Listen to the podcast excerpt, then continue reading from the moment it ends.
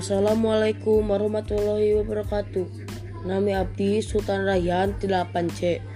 Hujan ageng di Kabupaten Cianjur, Jawa Barat nyebabkan walungan Cisokan ngabeakeun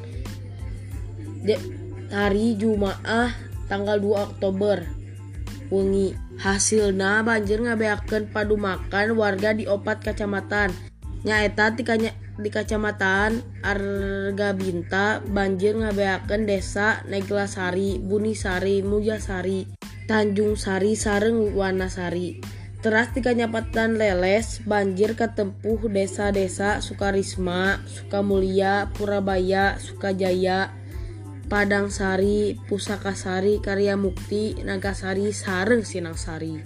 Di Kecamatan Sidang Barang, banjir oge dibanjiri ku Desa Jatisari, sareng desa Kertasari.